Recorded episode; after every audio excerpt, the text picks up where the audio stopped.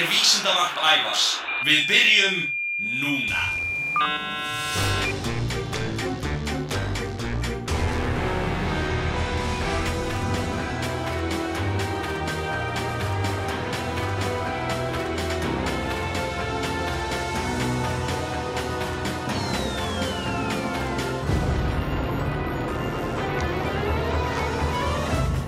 Komiði sæl og verið velkomin í Vísinda Varp Ævars. Ég er Ævar og næstu 20 mínúturnar eða svo ætlum við að tala um tölur. En ekki allar tölur, heldur eina ákveðina tölu. Fyrstu töluna. Einn. Ég segi ykkur frá því hvað einn er gamall.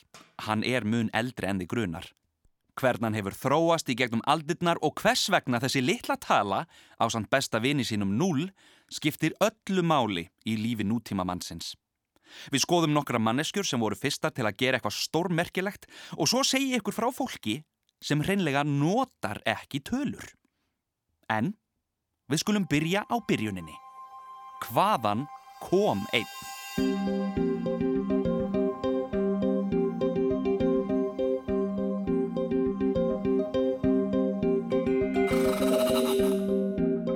Það er margt á huldu við uppbruna tölunar einn. Að öllum líkindum var það frummaður eða kona sem var sá fyrsti eða svo fyrsta sem ákvaða að þetta strikk þarna þýtti einn. Þetta er þó bara kenning og það er eiginlega ekki hægt að sannana. Hvers vegna? Jú, því þó að það séu vissulega til mörg þúsund ára gömul bein sem búið er að rista strikk í, þá getum við ekki vitað með algjöru vissu að þar hafi einhver verið að telja. Kanski var bara einhver að fykta. Vísendamenn vilja meina að ásinn, talan einn, sé mun yngre en við mannkinnið.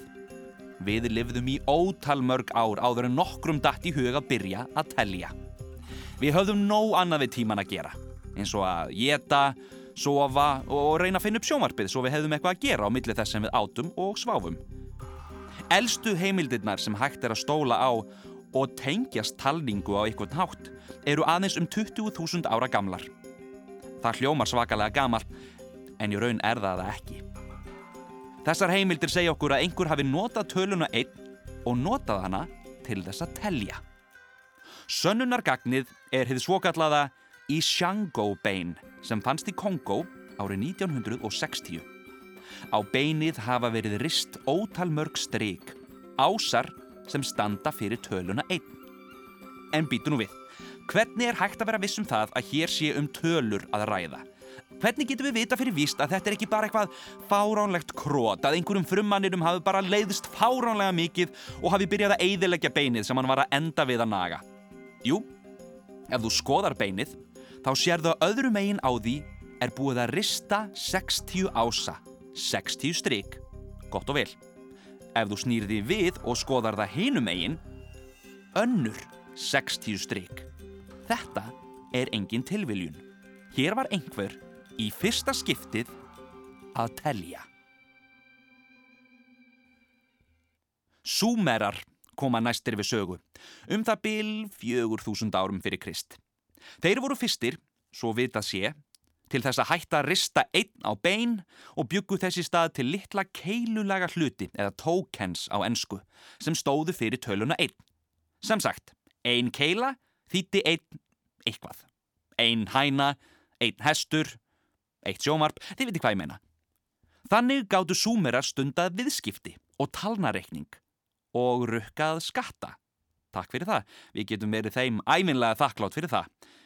Súmerar voru afar klárir og eru einni þekkti fyrir það að hafa verið fyrstir, svo vitað sé, til þess að skrifa niður alls konar fróðleik.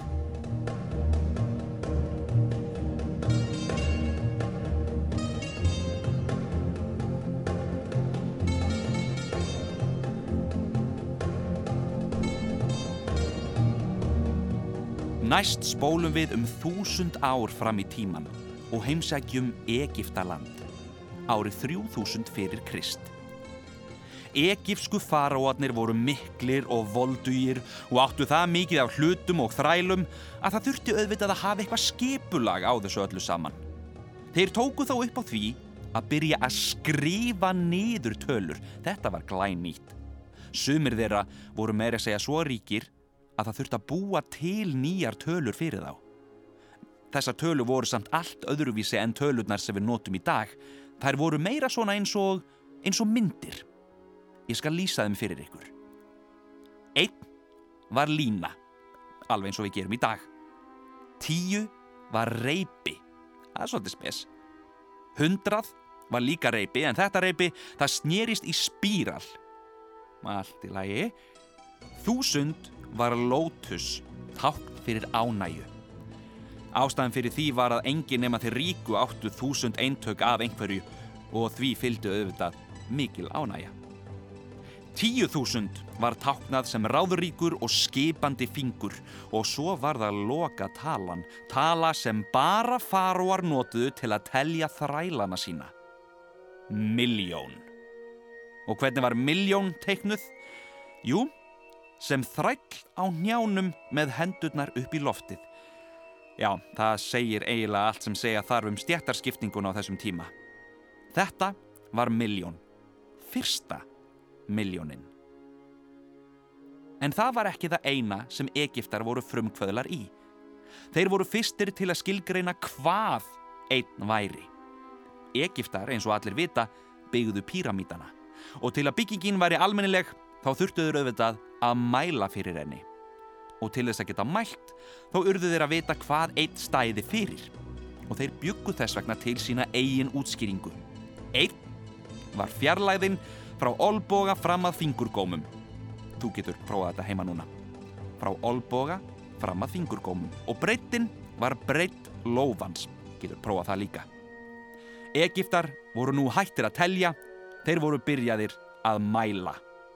Þeir byggu til ótal mörg afrit af mælistekunni svokölluðu og dreifðu um allt ríkið. Með því að nýta sér þessar nákvæmu mælingar áttu þeir auðveldara með að byggja hérna ótrúlegu píramíta sem margir hverjir standa enn þann dag í dag. Svo komu romverjarnir mörgum árum setna. Þið kannist við þá úr til dæmis eins og Ástrík og Steinrík. Þeir voru líka með sínar eigin leiðir til að teikna upp tölur.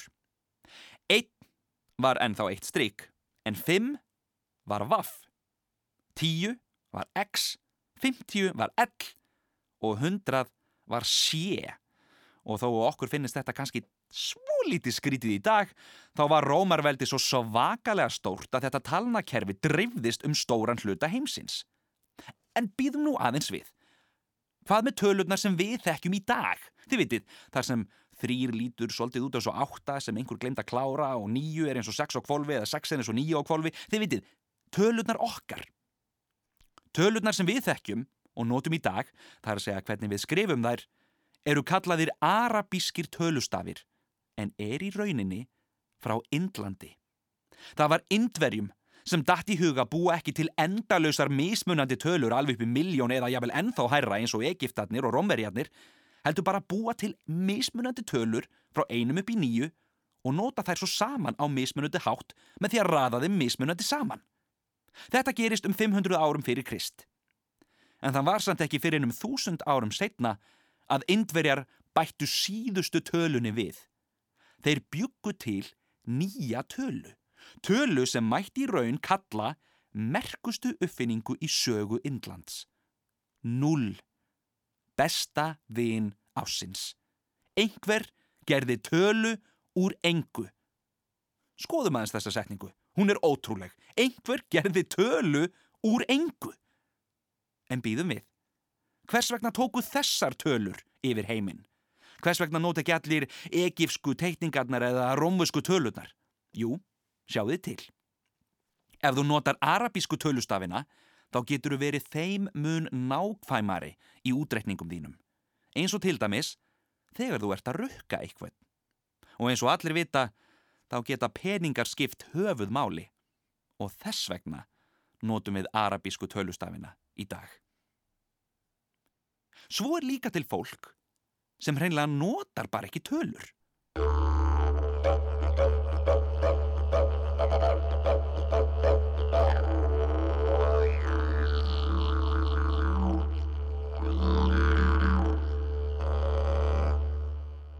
Valpíri ættbálkurinn er hluti af frumbyggjum Ástralíu og í þeirra orðaforða eru tölur einfallega ekki til. Þeir vita hvað einn er, en ef það er spurt út í eitthvað sem er stærra, hærra eða fjölmennara en einn, eins og til dæmis fjölda barna í stóri fjölskyldu, er einfallega sagt margir. Það verði stuga. Einn og margir. Það skiptir ekki máli hvað klukkan er, þeir líta þessi stað til sólar. Þeir mæl ekki landi sitt í kílometrum eða hekturum, heldur í söngvum sem innihalda lýsingar á öllu því sem skiptir máli. Gott og vel. Það er til fólk sem notar ekki tölur, en það gerum við svo sannlega, við notum tölur. Skoðum örlítið hvernig talan einn kemur við líf okkar. Það er auðvitað til strætóleið sem er nummer eitt, við notum hana, hún fer frá Reykjavík og allarleið í Hafnarfjörðu þegar ekki, eða fer, fer hún lengra kannski. Stafurinn A, hann er fremstur, hann er nummer eitt í stafróinu og svo, svo eru það tölvurnar. Nei, býtu við. Tölvur? Hvernig óskopunum tengjast þær tölum? Líti kringum þig. Það er nokkuð örugt að einhver staðir í kringum þig er tölva, sími eða annað tæki af álíka toga. Kanski ertu meira að segja hlusta þetta í gegnum tölvu eða síma. Það er pínu skríti til þess að hugsa en tölfur eru byggðar upp á nulli og einum með svokölluðu tvíundakerfi.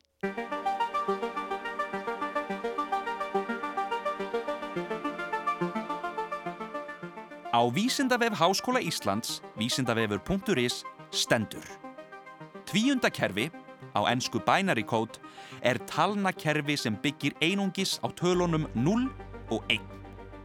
Tölfur eru byggðar upp á tvíundakerfi en ástæðan fyrir því að það kerfi er notað fremur en tugakerfið er tæknileg.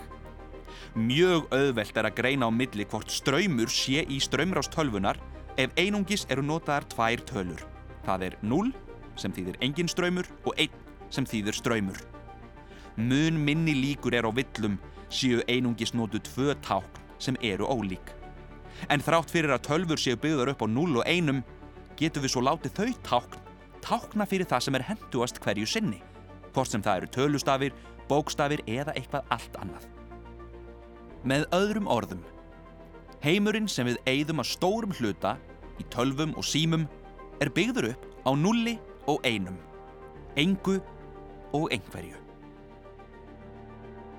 En það er ekki bara í forritun sem talan einn kemur fyrir. Maður getur líka bara verið einn. Halló! Halló! Er einhver öðna? Ég er að svaka það einn akkur núna! Það kannast allir við það að vera einir. Sumum finnst það þægilegt og finnst ekkit betra en að fá að sitja í friði og hugsa um dægin og vegin. Eða bara sitja. Aðrir þóla hins vegar ekki einveruna, þrá að fá að tala við mann og annan og vilja helst ekki vera neinstadar annar staðar en í stórum hóp af fólki. Það eru ýmsar leiðir til þess að vera einn. Sumir loka sér inn í herbergi, aðrir fari í langa og góða göngutúra og enn aðrir, tja, þeir bara flýja land. En einn stendur ekki bara fyrir að vera einmanna. Einn, einn er líka fyrstur. Einn, einn getur verið bestur. Er það ekki? Ég meina, ef þú ert í fyrsta sæti, þá ertu sigurvegari, ekki satt? En svo er reyndar sagt einhver staðar að hinn er síðustu verða fyrstir. Veist, ég, hvað þýðir þetta allt saman eiginlega? Það fylgir því ákveðin pressa að vera fyrstur. Þú þarfst að standa þig vel, þú mátt ekki klúðra neinu. Ég meina, ekki ef þú ætlar að vera nummer eitt. Ef þú slærðin orðin först á heimasíðu heimsmetabókar Guinness kom upp 4631 leitarniðurstaða. Það eru greinilega margir sem hafa verið fyrstir að einhverju. Skoðum nokkur heimsmet þar sem einhver var fyrstur. Fyrsta dýrið sem fekk tvo gerfifætur var kötturinn Óskar frá Bretlandi. Kísi var að leggja sig í sólinni þegar þreskivél fór yfir hann og tætti af honum tvo fætur. Uff, uff, uff. Dýralæknirinn Noel Fitzpatrick leta þó ekki slá sig út af læginu, heldur grætti sitt hvort gerfifótin á kísa og bjargaði þannig lífans.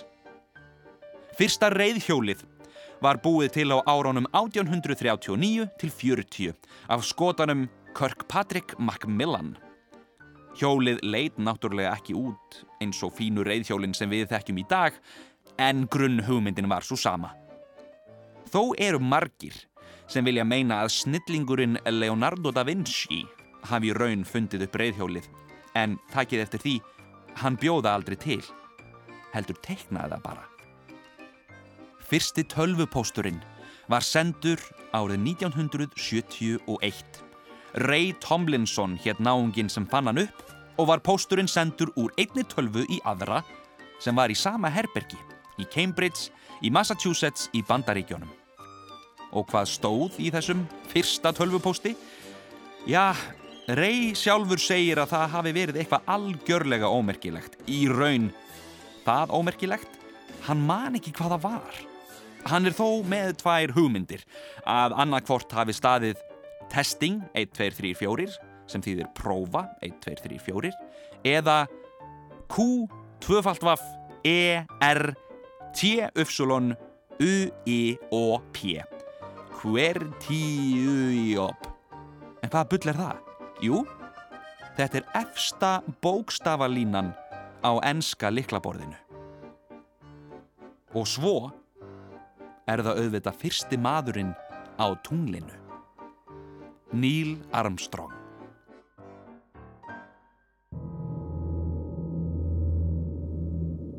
Tuttugast og fyrsta júli 1969 klætt hann sí í geimbúningin sinn, klöngraðist niður tröppurnar á geimfærinu, steg varlega en öruglega á yfirborð mánans og sagði Þetta er lítið skref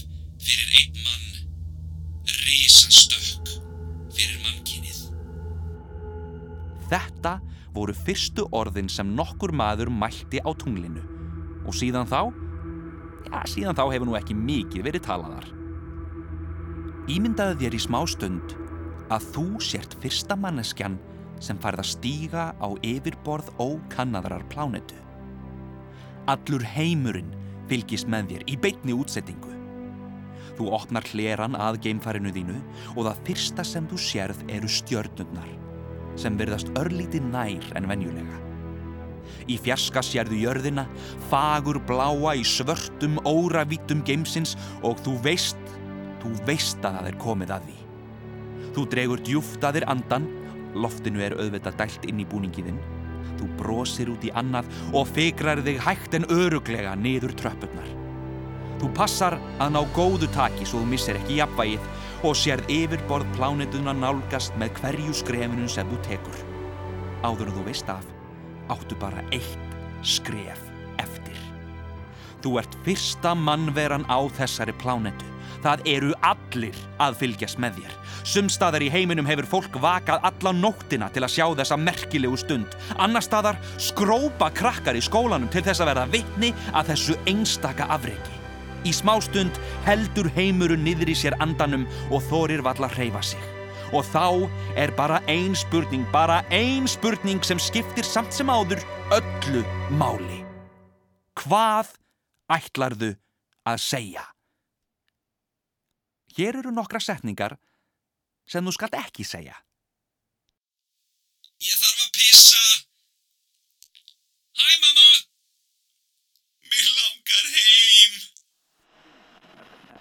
Þættinum er lokið. Ef þið viljið vita meira um töluna 1, skuluð þið fara á YouTube og slá inn The Story of One. Heimsækið rúf.is skástrygg ævar ef þið viljið vita meira um þættina og skoðið sarpin eða hlaðvarpið til að hlusta aftur. Ævar vísindamaður, yfir og út.